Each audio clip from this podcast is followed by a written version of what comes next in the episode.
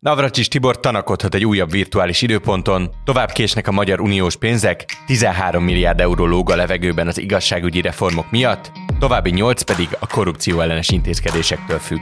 Brüsszelben azonban nem csak a magyar jogállamiság, vagy éppen Orbán Viktor keleti útjai okoznak fejtörést. Az izraeli-paleszti harcok nem csak párhuzamos kihívást jelentenek az ukrajnai háború mellett, de belülről is megosztják a kontinenst, és bármi is lesz a rövidtávú kimenetele, annak hosszú távú következményei lesznek az unióra nézve.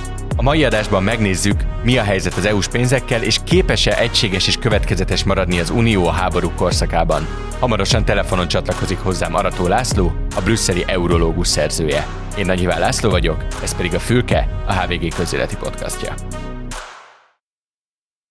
Reklám következik.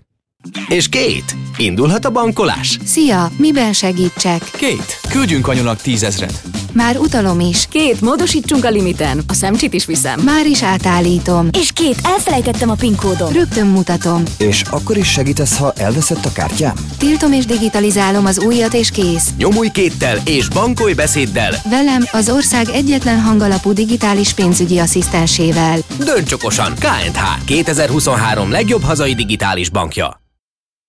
Laci, köszönöm szépen, hogy becsatlakozol így a távolból. Kezdjük a legaktuálisabb és mégis az elmúlt másfél évben ebben a műsorban a legtöbbet elhangzó kérdéssel. Miért késnek újfent az uniós források? Azért késnek, mert a magyar kormány nem teljesít az elvárásokat, és elnézést nem köszöntem, úgyhogy szervusz, köszönöm a lehetőséget, és köszönöm a, köszöntöm a hallgatókat is. Szóval néhány órával ezelőtt volt az Európai Parlamentben két biztossal egy meghallgatása két parlamenti szakbizottságnak, és ott arról volt szó, hogy mi a helyzet a Magyarországgal kapcsolatos tárgyalásoknak, meg, meg az uniós Magyarországnak jár uniós forrásoknak, és ott azt mondta, talán ez volt a legsarkosabb véleménye vagy kijelentés Johannes Hahn költségvetési biztostól, hogy hogy ugye Magyarország akkor kap pénzt, amikor teljesíti a feltételeket, amikkel már kb. egy éve tisztában van, de, de ez nem történt meg, és Johannes Hahn ezt, ki, ezt hangsúlyozta, hogy itt nem arról van szó, hogy a bizottság tárgyal a magyar kormányjal, mert nincsen tárgyalás, nem kell tárgyalni, hanem a magyar kormánynak le kell rakni valamit az asztalra, és az Európai Bizottságnak ezt értékelni kell. Tehát a helyes szó, az, amit az Európai Bizottság részéről használni kell, az az értékelés. És akkor az értékelésnek majd lesz pozitív vagy negatív eredménye. Ha pozitív, akkor, akkor minden oké, okay, jöhet a pénz, ha negatív, akkor meg nem jöhet. És azt mondta a biztos, hogy hát ezzel van a legnagyobb probléma, hogy nem nagyon van mit értékelni. Ő egy tavaly máj, idén májusi ö, találkozóra hivatkozott, amikor szintén itt a bizottság előtt ö, kérték, ö, kérdezték meg tőle, hogy mi a helyzet, és kb. ugyanazt tudta mondani, tudja mondani most is, mint ö, idén ö, májusban, hogy, ö, hogy, még, hogy arra várnak, hogy a magyar kormány az ö, eldöntse, hogy ö, ezeket a kötelezettségeket, amiket egyébként nem az Európai Bizottság rót a magyar kormányra ö, nagy rész, hanem a tagállamok, azokat ő, ő teljesíti-e, tudja a magyar kormány mit kell csinálnia, ö, arra, arra van szükség, hogy egy baksamétába odarakják, hogy hogy na hát itt van ez az, amit csináltunk. Itt több eljárásról van szó, több párhuzamosan futó eljárásról, amiről mostanában lehet hallani az igazságszolgáltatási reformmal kapcsolatos eljárás, az talán jobban áll, de hát ezt is erősen kérdőjelesen mondom. A másik pedig a korrupció ellenes keretrendszer megerősítése, amitől másfajta pénzek függenek, az én úgy gondolom, hogy elég rosszul áll. Mi az, amit a magyar kormány lerakott az asztalra, és azt mondta, hogy hát tessék, itt van, várjuk a pénzeket. Mik a legfőbb hiányosságok, amiket most kiemel az Európai Bizottság azzal kapcsolatban, hogy mi nem teljesül abból, amiben megállapodtak? Maradva a ketté bontott dolognál, az igazságszolgáltatás függetlenségével kapcsolatos aggályok miatt az Európai Bizottság blokkolja a teljes 7 éves költségvetést, pontosabban a tagállam a 7 éves költségvetést, ami kb. 22 milliárd eurót jelent, és ezen belül külön és pluszba blokkolva van a jogállamisági eljárás miatt 6,3 millió, plusz külön blokkolva van két és fél milliárd euró, ami menekültekkel való bánásmód, akadémiai szabadság és a LMBTQ közösségnek a jogai. Ehhez képest a magyar kormány idén júliusban az igazságügyi reform kapcsán jelentette, hogy teljesítette a feltételeket, az igazságszolgáltatás függetlensége a változtatásokkal miatt helyreállt. Ettől azt reméli a kormány, hogy egy 13 milliárd eurós rész felszabadulhat, tehát ugye ezt úgy kell elképzelni, hogy a 22 milliárd euró az most blokkolva van az igazságszolgáltatás miatt, ha ezt levesszük róla, akkor már csak a maradék blokkolásokat kellene feloldani, tehát a, a korrupciellenes keretrendszer megerősítésével. Szóval, hogyha ezt a igazsági reformot a bizottság pozitívra értékelni, akkor ez a 13 milliárd euró, ami 7 évre elosztva egy 7 éves költségvetésnek a, az összege, az utófinanszírozással elérhetővé válik. Ezt július 18-án mondta a kormány, hogy oké. Okay. Három hónapja volt a bizottságnak arra, hogy erre ő, ő is azt mondja, hogy oké okay, vagy nem oké, okay, de ez a három hónap, ez október közepén lejárt, de mégse járt még le, tekintettel arra, hogy közben a felek leveleznek. Volt egy levelezés szeptember-októberben, ami három hét volt, a levelezés megszakítja ezt a három hónapos határidőt, így eljutunk nagyjából mostanáig, de most megint levelezés van, tehát múlt héten, elsőjén, ha jól emlékszem, november elsőjén megint elküldött az Európai Bizottság tisztázó kérdéseket azzal kapcsolatban, hogy az igazságügyi reform egyes elemei azok hogyan valósulnak meg a gyakorlatban, megint megállt a határidő számítása, és akkor fog újra indulni, amikor majd a magyar kormány visszaküldi a válaszát. Hogyha ez két hét lesz, akkor két hét múlva folytatódik, körülbelül van még olyan, olyan három-négy hét ebből a három hónapból, de hogyha egy hónap múlva küldi a kormány a válaszát, akkor akkor. Szóval ami, ami aggályos a, az Európai Bizottságnak ebben a, a körben, az továbbra is a levelezést nem hozzák nyilvánosságra. Tehát én kértem a bizottságot, hogy mondják meg, mit írtak, de, de elutasították ezt a kérést, mondták, hogy, hogy ebben a szakaszban ezt nem hozzák nyilvánosságra. Ami, ami valószínűsíthető, az továbbra is a kúria ügy, ügyelosztási gyakorlata, hogy ebbe mennyire lehet kézzel belenyúlni, vagy teljesen automatikusan és elektronikus formában történik mindez nagy kérdés, hogy az országos bírói tanácsnak a függetlensége az megnyugtatja-e, ugye amelyeket most választanak az Európai Bizottságot, és ez egy folyamatban lévő dolog. Szóval nem, nem olyan sok kérdést tettek fel, de, de hát az, azok, azon válaszok nélkül az értékelést nem fogják tudni befejezni. Tehát nagyjából most ma itt állunk. Köszönöm, és rég volt olyan adásunk, ahol EU-s forrásokról beszéltünk, emiatt elevenítsünk fel egy nagyon fontos kérdés a témában, hogy nagyon sokszor használjuk azt a szót, hogy elvesznek ezek a források. Most van-e olyan tényleges pénzösszeg, amely veszélyben van a magyar állam számára, amelyhez előfordulhat, hogy nem csak később, hanem soha nem jutnak hozzá, illetve mikorra válik a magyar kormánynak, a magyar államnak sürgősé ezeknek a pénzeknek a megszerzése. Magyarán arra szeretnék rákérdezni, hogy milyen időszakra érvényesek ezek a pénzek, ezek most hiányoznak az államkasszából, vagy x idő múlva fognak nagyon hiányozni?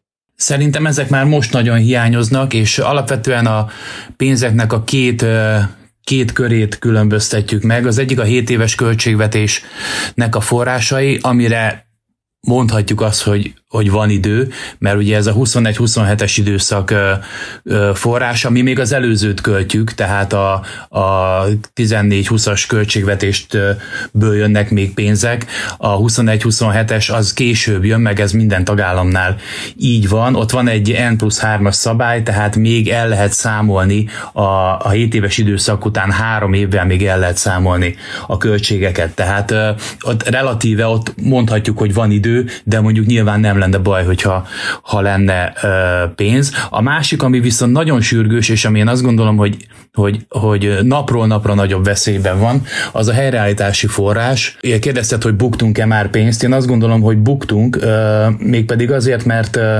amikor ezt a helyreállítási forrás rendszert bevezették, akkor 2020 egy tavaszán Magyarországot megillette volna 6,5 milliárd euró, és uh, utána a GDP növekedéssel ezt egy évvel később korrigálták, és lement 5,8-ra. Tehát ezt a különbözetet már elvesztettük akkor, amikor nem sikerült időben beadni, illetve elfogadtatni a helyreállítási tervet. Tehát ott ez már, már elment ez, ez a rész, és ami ehhez még aztán hozzájön, a hitel alap, a hitelkeret, amit szintén beadott Magyarország, ez 3,9 milliárd euró, augusztus 31-ig lehetett kérni, Magyarország nyilván augusztus 31-én délután kérte, és van még 700 millió euró, amit hozzácsaptak ehhez az egész rendszerhez, ez a Repower EU nevű forrás, ez az orosz energiától való függetlenséget jelenti. Tehát itt van bő 10 milliárd euró pluszban, ami a helyreállítási alapnak a visszanemtérítendő és a hitel része, ennek a, a, a lényege, ennek az egész forrásnak a koronavírus utáni gazdasági helyreállítás. Tehát, hogy a koronavírus son már túl vagyunk, tehát már a többi tagállam már vidáman költi ezeket a milliárdokat. Meg is látszik egyébként az ő teljesítményükön, és különösen meglátszik a mi régiónkban. Ez nagyon hiányzik ez a pénz, és hát mivel ez egy kvázi gyors segély, ezért ezt gyorsan kéne felhasználni, olyan szinten, hogy ezzel ennek az elköltésével 2026-ig el is kell számolni. Tehát itt arról van szó, hogy, hogy Magyarország ki tud futni az időből abból a szempontból, hogy egyszerűen nem lesz rá ideje, hogy felhasználja ezeket a forrásokat, és mindent lejelentsen, mert hogy, mert hogy azért nem, nem a sem, tehát meg kell valósítani még azokat, amikhez, amikhez mi hozzá se fogtunk. Tehát ez egy nagyon komoly, nagyon komoly szori, időszorítás. Ugye egy évvel ezelőtt, amikor arról volt szó, hogy és kb. ugyanezt a beszélgetést talán le is folytathattuk volna, hogy na mit kéne csinálni Magyarországnak, és hát tudjuk, hogy mit kell csinálni, akkor Magyarország ha akkor megteszi azokat a lépéseket, amiket még mindig nem tett meg, akkor nyilván beljebb lenne, és már tudná költeni azokat a pénzeket, amihez most még kb. ugyanolyan távol van, mint, ami, mint egy évvel ezelőtt. Világos, köszönöm, és említettél még, amikor arról beszéltünk, hogy milyen összegek vannak most zárolva, ezektől a nagy vonalaktól, mint az igazságszolgáltatás vagy a korrupció elleni fellépés, ezektől függetlenül vannak zárolva. Például a, a menekültekkel való elbánás, vagy például az LMBTQ közösségnek a jogai. Befolyásolhatja ezt az egész történetet az, ahogy látjuk most ebben az őszi ülésszakban, a parlament, és nyilvánvalóan pontosan tudjuk, hogy ez a kormánynak az egyik eszköze, a parlament el akar fogadni olyan törvényeket, amelyek megint csak szembe mennek nagyon-nagyon alapjogállamisági dolgokkal. Gondolok itt a szuverenitás védelmének csúfolt törvényre, amivel a médiát akarják megrugdosni, illetve arra, hogy bejelentették azt is, hogy szigorítani akarják a homofób törvényt, vagy hát amit ők gyermekvédelminek neveznek. Ennek lehet-e bármilyen hatása, közbenső hatása arra, amit zajlik Brüsszel-Budapest vonalon? Mindenképpen lehet. Az Európai Bizottság ezeket után követi, tehát, tehát folyamatosan nyomon követi azt, hogy mi történik. Tehát itt azért már nagyon nagy, tehát én néha hallom beszélni ezeket az embereket, akik nyilván nem magyarok, meg lehet, hogy életükben háromszor voltak Magyarországon, viszont olyan részleteket tudnak a magyar belpolitikáról, meg a politikai szereplőktől, ami egyszerűen nem, nem lenne elvárható mondjuk, és nyilván nem tudják ugyanezt a Máltáról prezentálni, vagy, vagy mondjuk Litvániából ugyanilyen részletességgel. Tehát nagyon kiokosította már magát az európai közvélemény a magyar ügyekből, és hát igen, ezek a dolgok, ezek, ezek visszajönnek, és ezeket mindig mindig befrissítik az aktuális uh, uh, state of play-be, tehát ahol, ahol éppen tartunk. Szóval ez, ez valóban ez meg fog jelenni. Amit akartam említeni, hogy ez a például az akadémiai szabadság, a menekültekkel bánásmód, meg a LMBTQ közösség jogainak a korlátozása, ez összesen körülbelül két és fél milliárd eurót blokkol, tehát ezek, ezek, a, ezek a problémák, ezek a célzottan az erre a területre szánt forrásokat blokkolják. Ez, ez ha összeadjuk, ez a 7 éves költségvetésből 2,5 milliárd euró. Én azt gondolom, hogy ezeken a területeken területeken a magyar kormány nem is akar változtatást. Tehát visszakanyarod az előző kérdésedre, és talán mondhattam volna, hogy mi az, amit, amit elvesztett Magyarország. Én szerintem erről a két és fél milliárd euróról lemondott Magyarország. Ezt azért is gondolom, mert amikor itt van Navracsis Tibor, és egyébként leadja a győzelmi jelentést, hogy minden oké, aztán semmi sem oké, akkor ő ezt erre kiszokott térni, hogy, vagy szokott utalni arra, hogy például a, a homofób törvényt, amit ugye gyerekvédelmi törvénynek használ a kormányzati nyelvezet, azt nem akarja, ezt ágában sincs, és hát látjuk a szigorításokat, vagy látjuk ezt a tragikomikus esetet a Nemzeti Múzeummal kapcsolatban. Ennek is híre van Európában, hogy itt tartunk, vagy hát tehát amikor én beszélek újságíró kollégákkal, és ezt elmondom, már csak néznek rám, és nem akarják elhinni, hogy ilyen van, meg olyan van, hogy lemérik a távolságot a könyvesbolt, meg a, meg a templom között. Szóval ez, ez valami egészen frusztráló helyzetet is ö, idéz elő, ö, és hát azt is előidézi, hogy az évek hosszú sorá alatt ö, a magyar állapotokból egyre felkészültebb és napra kész ez a társaság, amelyik aztán végül a, a döntéseket meg fogja hozni, és ez, ez abszolút jelen vannak, ezek a, a legújabb fejlemények is jelen vannak a, az aktuális közbeszédben. Egyébként ez hogy érzed? Sikerült az Európai Bizottságnak valamilyen módon példát statuálnia azzal, ahogy a magyar ügyeken gyakorlatilag rajta tartja az ujját, rajta tartja a kezét. Látod-e azt, hogy, hogy más tagállamokkal szemben ez egy működőképes üzenet, hogyha ennyire kilógtok a sorból, vissza lesztek terelve? Szerintem igen, abszolút igen, és ez tulajdonképpen, amikor öt évvel ezelőtt felmerült, hogy ilyen jogállamisági eljárása legyen az Európai Uniónak az uniós pénzek védelme érdekében, akkor egyrészt nem, nem is vették nagyon komolyan, másrészt meg azt gondolták, hogy ilyet úgyse kell majd sohasem alkalmazni, mert miért kéne. De aztán utána itt van a példa, hogy kell meg lehet is alkalmazni, és a tagállamok, én azt gondolom, hogy hogy hoztak egy olyan döntést, hogy a, a mindennapos vitákat levet, levették, levetették a saját nyakukból, és ezt az egész ügyet rátestálták az Európai Bizottságra, hogy csináljátok ti, megvan hozzá a jogszabály, a jogszabályban megvan hozzá a felhatalmazás, tagállamok hoznak egy elvi döntést, hogy mit meg hogy lehet csinálni, és azon kereteken belül a bizottság csinálja, és a bizottság az, az csinálja is, tehát én azt gondolom, hogy azért uh, nyilván ezt így nem fogják kimondani, de, de azért itt meg, tehát beérett a magyarországi óriás plakátoknak a hatása Brüsszelben, és most már még nehezebb Brüsszelt megállítani, szóval ez, a, ez a fajta küzdelem, amit folytat a magyar kormánya az Európai Bizottsággal szemben, ennek azért van ilyen vetülete is, hogy, hogy éveken keresztül ment ez a ez a, ez a harc meg megy még mindig az európai bürokraták ellen. Hát az európai bürokraták meg most teszik a dolgukat felhatalmazással, mert hogy a tagállamok erre lehetőséget adtak, szóval és ez ellen meg, meg nincsen, nincsen hová menni. Tehát itt amilyen döntést itt hoz az Európai Bizottság, itt, itt nincsen Magyarországnak vétójoga, itt nincsen fellebb, nem lehet fellebbezni, ahogy a pereskedés már elbukta a magyar kormány, mint a, tulajdonképpen az összes peresügyét elbukta Európával szemben, és ez egy olyan eszköz, amiről is mondják most már mindig különböző fórumokon, hogy igen, ez van egy ilyen eszközünk, és hát működik, úgy látszik, hogy működik nem úgy működik, tehát nem azt, ne úgy értsd, hogy, hogy ettől most akkor Magyarországon megjavultak a viszonyok, mert nyilván ez nem történt meg, hanem az uniós pénzeket megvédték azáltal, hogy nem engedik hozzáférni azt a magyar kormányt, amelyikről azt állítják, hogy, hogy nem jól használja fel az uniós forrásokat. Ez volt ennek a jogszabálynak a célja. Köszönöm, és zárva az Európai Uniós források kérdését,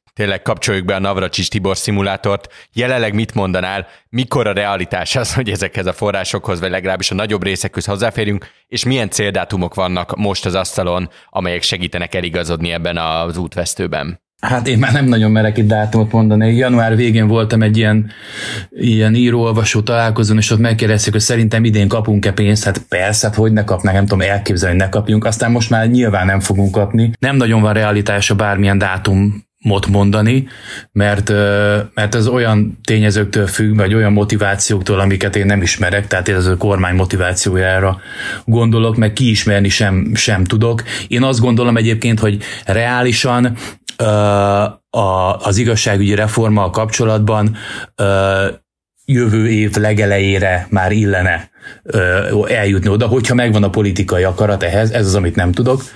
A másik ügyben pedig a, a 7 éves költségvetés kapcsán pedig körülbelül azt követően egy olyan három-négy hónappal, tehát azt mondom, hogy, hogy tavasz közepére lenne reális, hogyha minden a terv szerint, de ha minden a terv szerint működne, akkor ugye már, már, már, már ennek az évnek az elejére ez, ezt el tudtuk volna érni. Szóval a, ami céldátumot tudok most még mondani, az az, hogy december 15-ére, ugye tavaly december 15-én hozta, a, hozták a tagállamok ezt a döntést a pénzek befogyasztásáról, és ennek egy évvel később, tehát az egyéves évfordulójára az Európai Bizottságnak kell egy összesítést készítenie, egy update-et, hogy hol tartunk. Tehát december 15-én lesz egy, egy bizottsági anyag azzal kapcsolatban, hogy mi történt egy év alatt, ami a most, a most aktuális állapot. Ugye itt ilyen szupermérföldkövekről beszélünk, amik ilyen feltételrendszereket jelentenek, és ebből 27-et kell teljesíteni a magyar kormánynak. A 27-ből a mostani állás szerint hát közel fele, közel fele van teljesítve, és kicsivel több, mint a fele nincs, vagy csak részben van teljesítve. De ez az állapot nem sokkal jobb, mint volt egy évvel ezelőtt. Menjünk tovább még egy Magyarországgal kapcsolatos témára. Milyen visszhangja volt Brüsszelben Orbán Viktor kínai és közép-ázsiai útjainak, és itt gondolok mindarra, ahogy diktátor koszorúban integetett Xi Jinping meghívására, ahogy kezet rázott Vladimir Putyinnal, ahogy ő és Szijjártó Péter különböző türk államokban parolázott, ez hogyan csapódott le Brüsszelben? Hát van, aki viccesnek tartja, van, aki tragikusnak, van, aki nem foglalkozik vele, uh, ami, és ez általában vérmérséklettől függ a, az egyes politikai szereplőket tekintve, ami, ami konkrétumként elmondható, vagy ha majd lehetett hallani, Azaz, például a balti országok azok abszolút ki vannak akadva emiatt, tehát a, a balti országok, akik ugye, bár éppen mi is tudhatnánk, vagy megtanulhattuk volna a történelemből, hogy miért kell tartani Oroszországtól, de ők azért, azért, azért emlékeznek is arra. Szóval, hogy nekik mindenféle ilyen orosz kapcsolat, ez egy vörös posztú. Ott azt mondta két vagy három héttel ezelőtt a litván külügyminiszter, a magyar külügyminiszternek, a külügyminiszter értekezeten, hogy akkor most döntsük el, hogy amit Szijjártó úr mond, az a Kreml álláspontja, vagy a magyar kormány álláspontja. Tehát ennyire, ennyire konkrétan tudnak fogalmazni.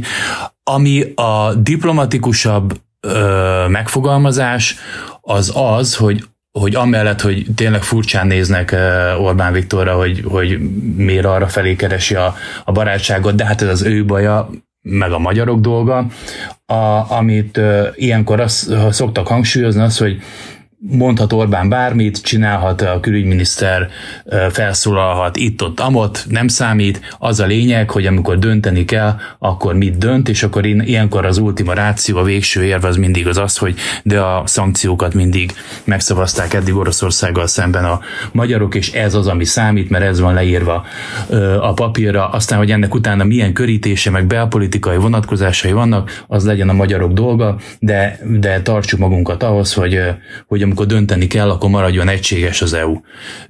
Amit még ugye fölrónak ilyenkor Magyarországnak, vagy a, miniszt, a magyar miniszterelnöknek az az, hogy, hogy hát ne kössön olyan alkukat például Putyinnal, ami, ami akármilyen módon kiátszaná vagy gyengíteni az Európai Uniós egységet, ezt szokták még hangoztatni.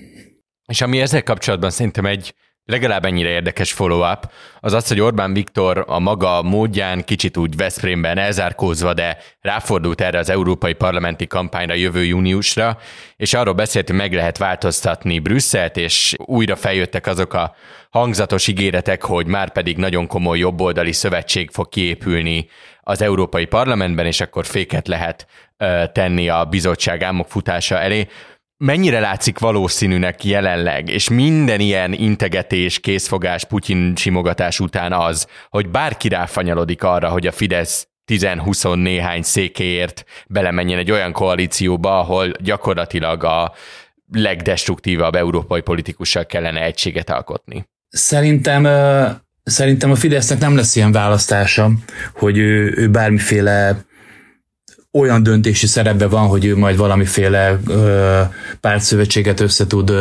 gründolni. Neki egy lehetősége lesz, hogy csatlakozhat ezekkel a 10-20 képviselővel oda, ahol befogadják. De ennek a a, a lehetséges köre meg, meg még jobban beszűkült most már.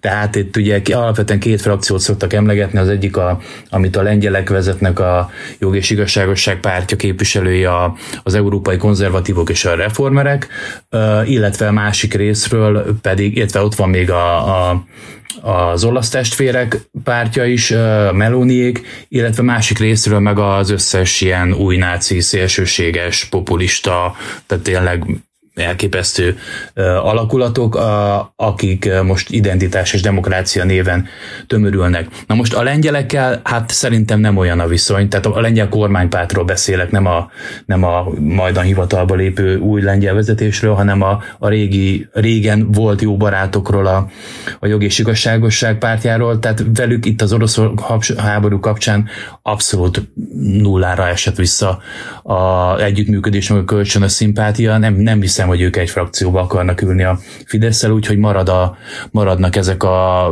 szélsőséges pártok.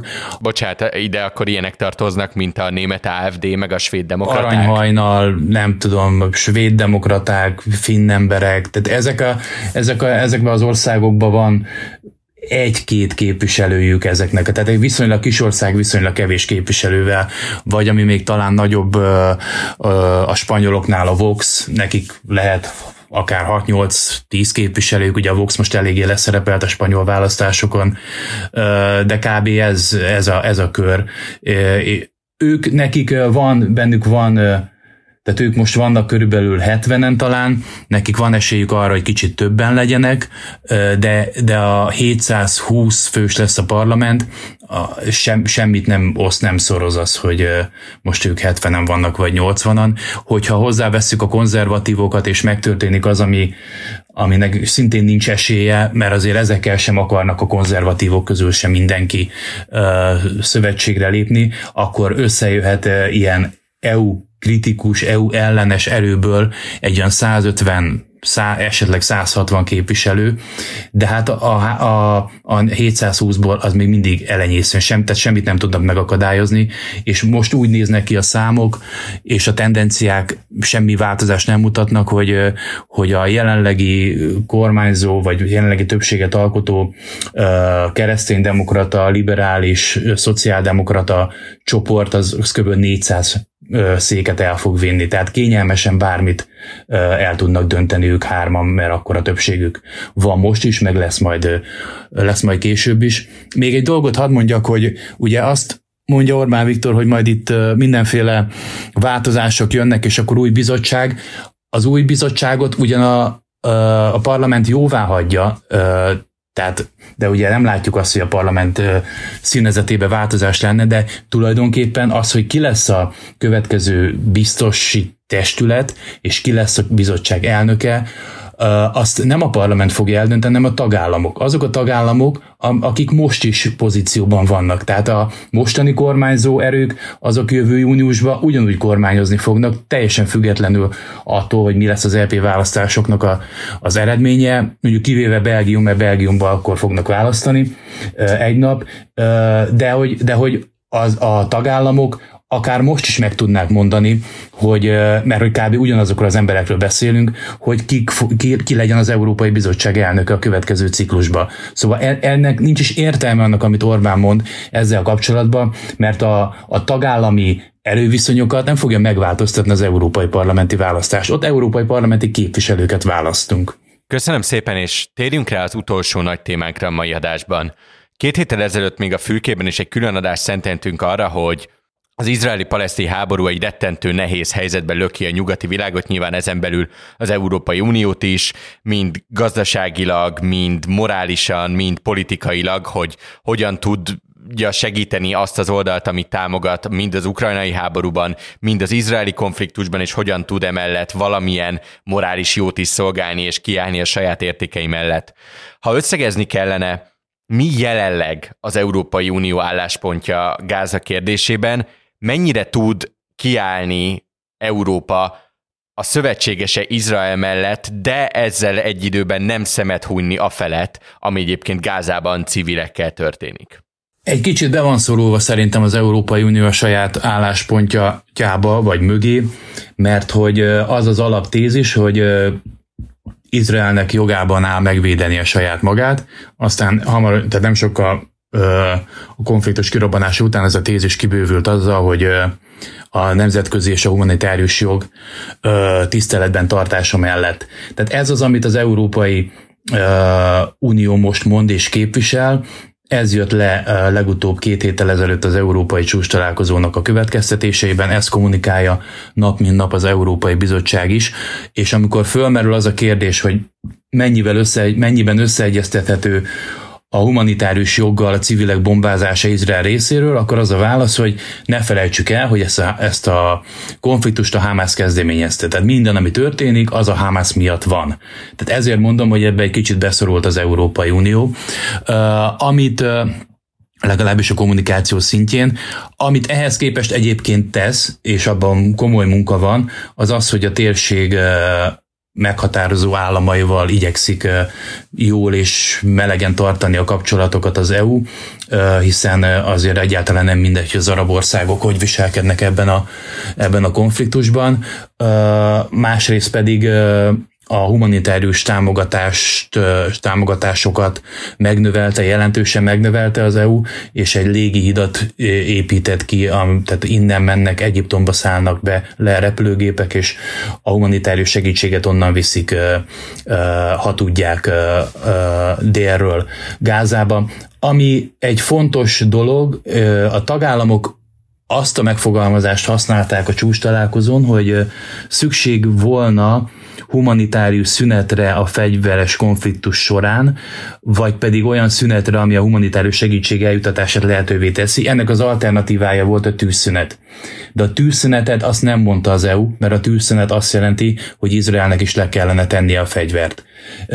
És ez, ez, e, erre, erre felé nem, nem akart elmenni az Európai Unió. Legutóbb egyébként éppen hétfőn Ursula von der Leyen a nagyköveteknek, az unióhoz akreditált EU-s nagyköveteknek már azt is mondta, hogy el tudná képzelni, hogy ENSZ felhatalmazással békefenntartók jelenjenek meg a térségben, ez nyilván még nagyon az elején van ez a dolog, de hát valamiféle, valamiféle kiutat és megoldást nyilván találni akar mindenki. Itt van egy rövid kérdésem, amit közbeszúrnék magyar viszonylatban. Ugye Várhelyi Olivér a háború kitörésekor rávágta, hogy az EU nem fog több pénzt küldeni a palesztinoknak, és ezt nem csak órákon belül megcáfolták, hanem az EP-ben pár napon belül a lemondását is követelték. Mi a helyzet most Várhelyivel egyébként? Azt már ugye tisztáztuk, hogy a támogatások azok viszont ettől függetlenül, hogy ő mit mond, mennek, és nagyobb mennyiségben mennek. Igen, tehát ez egy totális káosz volt az a kommunikáció a bizottság részéről, ami elindult a Várhelyének ezzel a tweetjével, és csak 24 óra alatt eljutottunk odáig, hogy, hogy a semmiből, de a humanitárius segélyt igen, de még annál is többet. Tehát most ott tartunk, hogy, hogy a humanitárius segély az 25 millió euró lett volna erre az évre, most már 100 millió eurónál tartunk. Tehát a, a semmiből lett már 100 millió, viszont a fejlesztési meg egyéb támogatásokat azt nem adja az EU, mert azt még felülvizsgálják a korábbi kifizetéseket, hogy nem támogatták-e véletlenül a, a Hamaszt.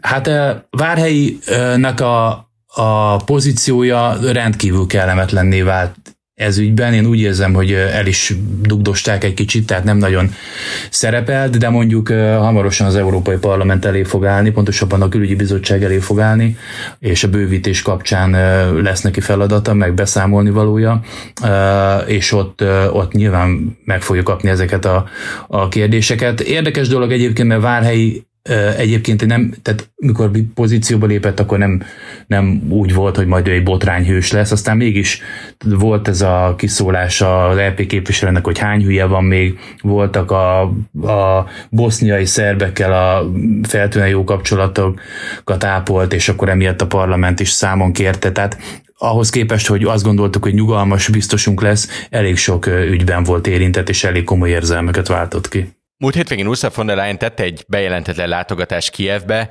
Ennek szerinted az volt az üzenete, hogy ne aggódjatok, nem feledkeztünk meg Ukrajnáról, és mit lengetett ott be Ukrajna uniós tagságával kapcsolatban?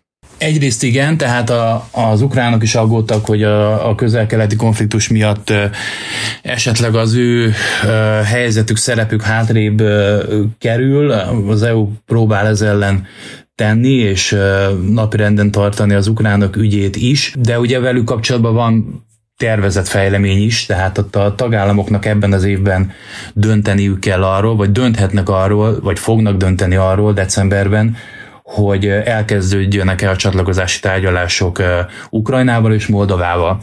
Ezzel kapcsolatban az Európai Bizottság elkészített egy anyagot, ami, ami megalapozhatja ezt a döntést. Ebben az anyagban ez nem, nem egyértelmű, valószínűleg nem lesz egyértelmű, hogy Ukrajna minden feltételnek eleget tett, de nem is fogja kizárni azt, hogy, hogy megkezdődhessenek a csatlakozási tárgyalások. Ez szerintem egy ilyen, ilyen előhangja volt ennek a, ennek a anyagnak, és egy ilyen beharangozója. Nyilván az ukránok már tudják, hogy, hogy mi vár rájuk nagyjából, és nyilván von der nem ment volna oda, hogyha nem, nem pozitív hírt közölt volna Ukrajnával, szóval e, e, ez, ezt így kell látni, ezt a folyamatot rövid időn belül, tehát mondjuk egy hónap múlva már tudni fogjuk, hogy valóban a tagállamok hozzájárulnak ahhoz, hogy megkezdődjenek a csatlakozási tárgyalások, ami egy, egy egyrészt egy rekordtempó, másrészt különösen új rekordtempó, hogy egy olyan országról beszélünk, amely háborúzik. És a te megítélésed szerint van Európának annyi politikai, diplomáciai és gazdasági tőkéje, hogy mind az közel-keleti helyzetet jól kezelje, és közben ne engedje azt, hogy Ukrajna hát nem hogy meggyengüljön a harcban, hanem tényleg el tudja érni azokat a céljait, amit Kiev olyan pozíciónak nevez, ahonnan békét lehet kötni, és ebből kifolyólag képes legyen integrálódni az Unióhoz? Igen, hát mind a kettő egy borzalmasan, de hát külön-külön is borzalmasan elég lenne az Európai Uniónak. Kérdés, hogy ezzel hogy tudnak megbirkózni a tagállamok. Én azt gondolom, hogy Ukrajna ügyében talán még egyszerűbb egyszerűbb a helyzet, vagy ott, ott fekete-fehér, tehát jó-rossz küzd egymással, ott az EU-nak van egy, van egy stratégiája, ott inkább az a probléma, és ha ezt hozzáveszünk a balkáni bővítést, akkor meg még nagyobb probléma, hogy az EU nincs fölkészülve a bővítésre, tehát itt uh, ahhoz az uniós struktúrákat, uh, intézményrendszert, alapszerződést meg kell változtatni, hogy a mostani 27 tagból legyen egy 35 uh, fős közösség, amelyik és azért nem, a, nem az osztrákokat kell felvenni, vagy uram, bocsánat, nem a magyarokat, hanem itt azért olyan országok vannak, akik, akik rendkívül uh, alacsonyabb te, gazdasági teljesítményt produkálnak, ez leviszi az uniós átlagot, a nettó befizetők kiválnak a nettó pénzkivevők, szóval egy csomó kérdésre választ kell találni, meg kell szüntetni a vétót, mert 35-en úgyse fognak minden esetben uh, ugyanolyan álláspontra helyezkedni, de akkor még itt a szerbek kapcsán az orosz barátság az egy nagyon komoly elvaratlan szál, meg ugye a szerb-koszovói viszony, tehát nagyon sok kérdőjele van ennek, de ez, ez, én azt gondolom, hogy ez a nagyobb falat az EU-nak, hogy a saját magát fölkészítse a, a bővítésre. A, a, ami a közel-keleti helyzetet illeti, ott, ott nem az EU a, vagy az EU nem az egyetlen főszereplő, tehát ott azért vannak, vannak más nagy játékosok, akik, akikkel lehet egyezkedni, ott nem kell az EU-nak döntési pozícióban navigálni a saját magát, ott támaszkodhat másokra, mehet mások után, meg, meg függ másoktól is. Köszönöm szépen, és az utolsó kérdésem az talán a legbonyolultabb, vagy sok esetben tabu kérdés, Mégpedig az, hogy ahogy az izraeli-palesztin konfliktus eszkalálódik és elhúzódik, annál inkább látjuk azt, hogy ez civil szinten a nyugati világban egyre többször felüti a fejét demonstrációktól erőszakig. Van-e bármilyen elképzelés Brüsszelben arról, hogy hogyan lehet megóvni mind a muszlim, mind a zsidó közösségeknek a biztonságát Európában, vagy egyáltalán a teljes európai társadalmat esetleges terrortámadásoktól? Ez abszolút napirenden van, és nem is, nem is tabu téma, tehát erről szó van, és azt gondolom, hogy, az, hogy itt az lenne a megoldás, hogy az a megoldás, hogyha minél kevesebb, lehetőleg semennyi áldozata nem lenne a, a továbbiakban a közel-keleti konfliktusnak, hiszen ez hozza, ez hozza tovább a, ezeket az érzelmeket, de hát ezt nyilván ezt így nagyon nehéz megvalósítani, de valóban ez a, ez a, a nagyon erősen előjött sok országban a zsidó-muszlim ellentét, nagyon sok támadás volt mindkét oldal irányába, emberek élnek félelembe emiatt, szóval ez egy abszolút létező dolog. Az EU-nak erre vannak ugyan eszközei, de hát az, az nem fogja ezt megoldani, tehát itt a közel-keleti konfliktus megoldása lenne a cél nem pedig az, hogy az EU mit tud kezdeni az ilyen gyűlölet bűncselekményekkel, meg érzelmileg motivált cselekményekkel.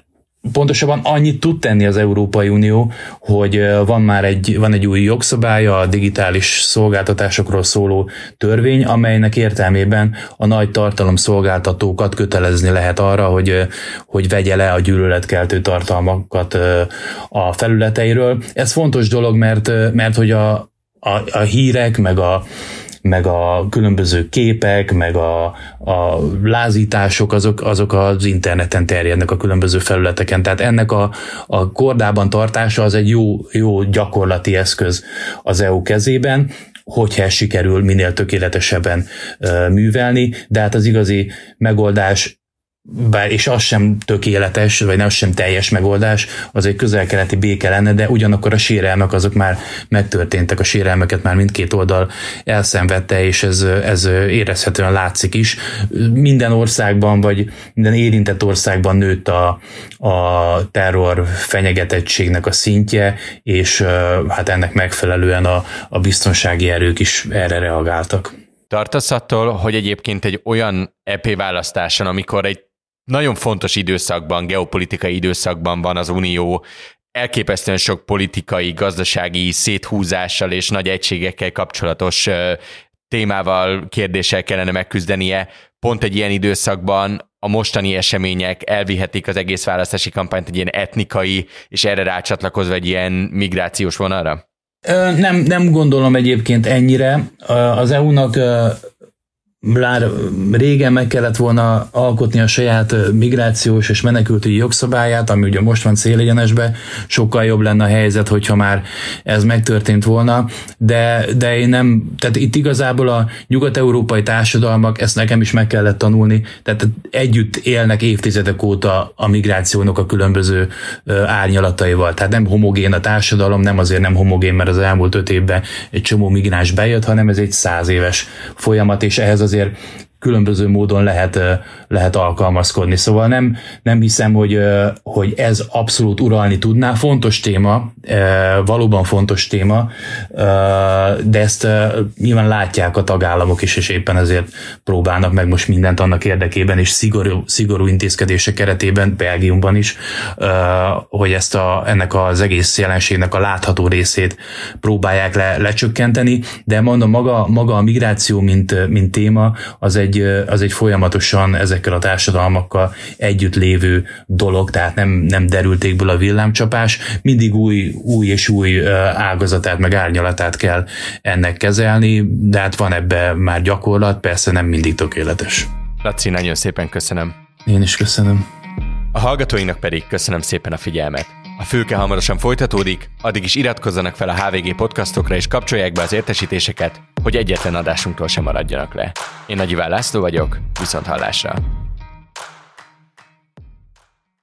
És Kate, indulhat a bankolás? Szia, miben segítsek? Kate, küldjünk anyunak tízezret. Már utalom is. Két, módosítsunk a limiten. A szemcsit is viszem. Már is átállítom. És két, elfelejtettem a PIN kódom. Rögtön mutatom. És akkor is segítesz, ha elveszett a kártyám? Tiltom és digitalizálom az újat és kész. Nyomulj kéttel és bankolj beszéddel. Velem az ország egyetlen hangalapú digitális pénzügyi asszisztensével. Dönts okosan! KNH 2023 legjobb hazai digitális bankja.